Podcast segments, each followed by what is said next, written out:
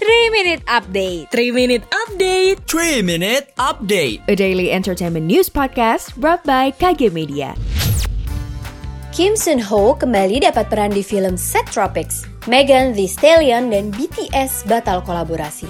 Dan Kak Seto bakal turun tangan soal perebutan hak asuh Gala Sky. Selengkapnya kita rangkum di 3 Minute Update pada hari Senin 22 November 2021.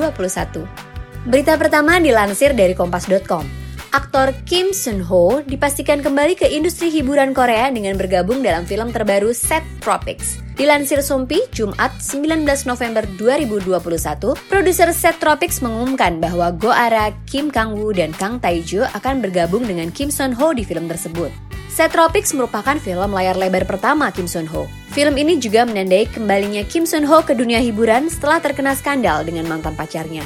Sebelumnya, bintang hometown Cha Cha Cha itu tersandung skandal gaslighting dan aborsi mantan pacarnya Choi Yung Ah.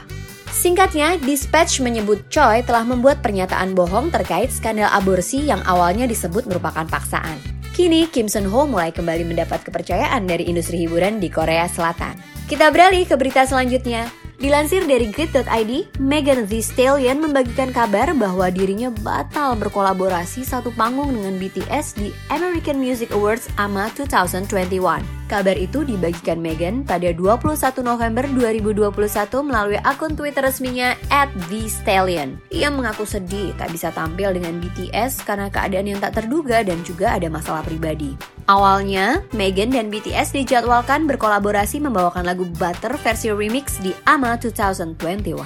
Dan yang terakhir, dilansir dari high.grid.id, psikolog anak Seto Mulyadi alias Kak Seto bakal turun tangan soal kisruh perebutan hak asuh Galaskai antara keluarga Vanessa Angel dengan keluarga Bibi Ardiansyah. Kak Seto pun memberi peringatan pada keluarga Vanessa dan Bibi agar tidak larut dalam konflik. Masalahnya, ini dapat melukai hati Gala, apalagi sang anak baru saja kehilangan sosok orang tuanya. Seperti diketahui, ayah Bibi Faisal telah mengajukan permohonan hak asuh anak di Pengadilan Agama Jakarta Barat. Menurut pengakuan Faisal, ayah Vanessa yaitu Dodi Sudrajat sudah memberinya izin untuk mengasuh Gala. Namun, secara tak terduga, Dodi justru mengajukan permohonan hak asuh anak di Pengadilan Agama Jakarta Pusat. Sekian 3 Minute Update hari ini, saya Riana A. Ibrahim pamit. Jangan lupa dengarkan update terbaru selanjutnya.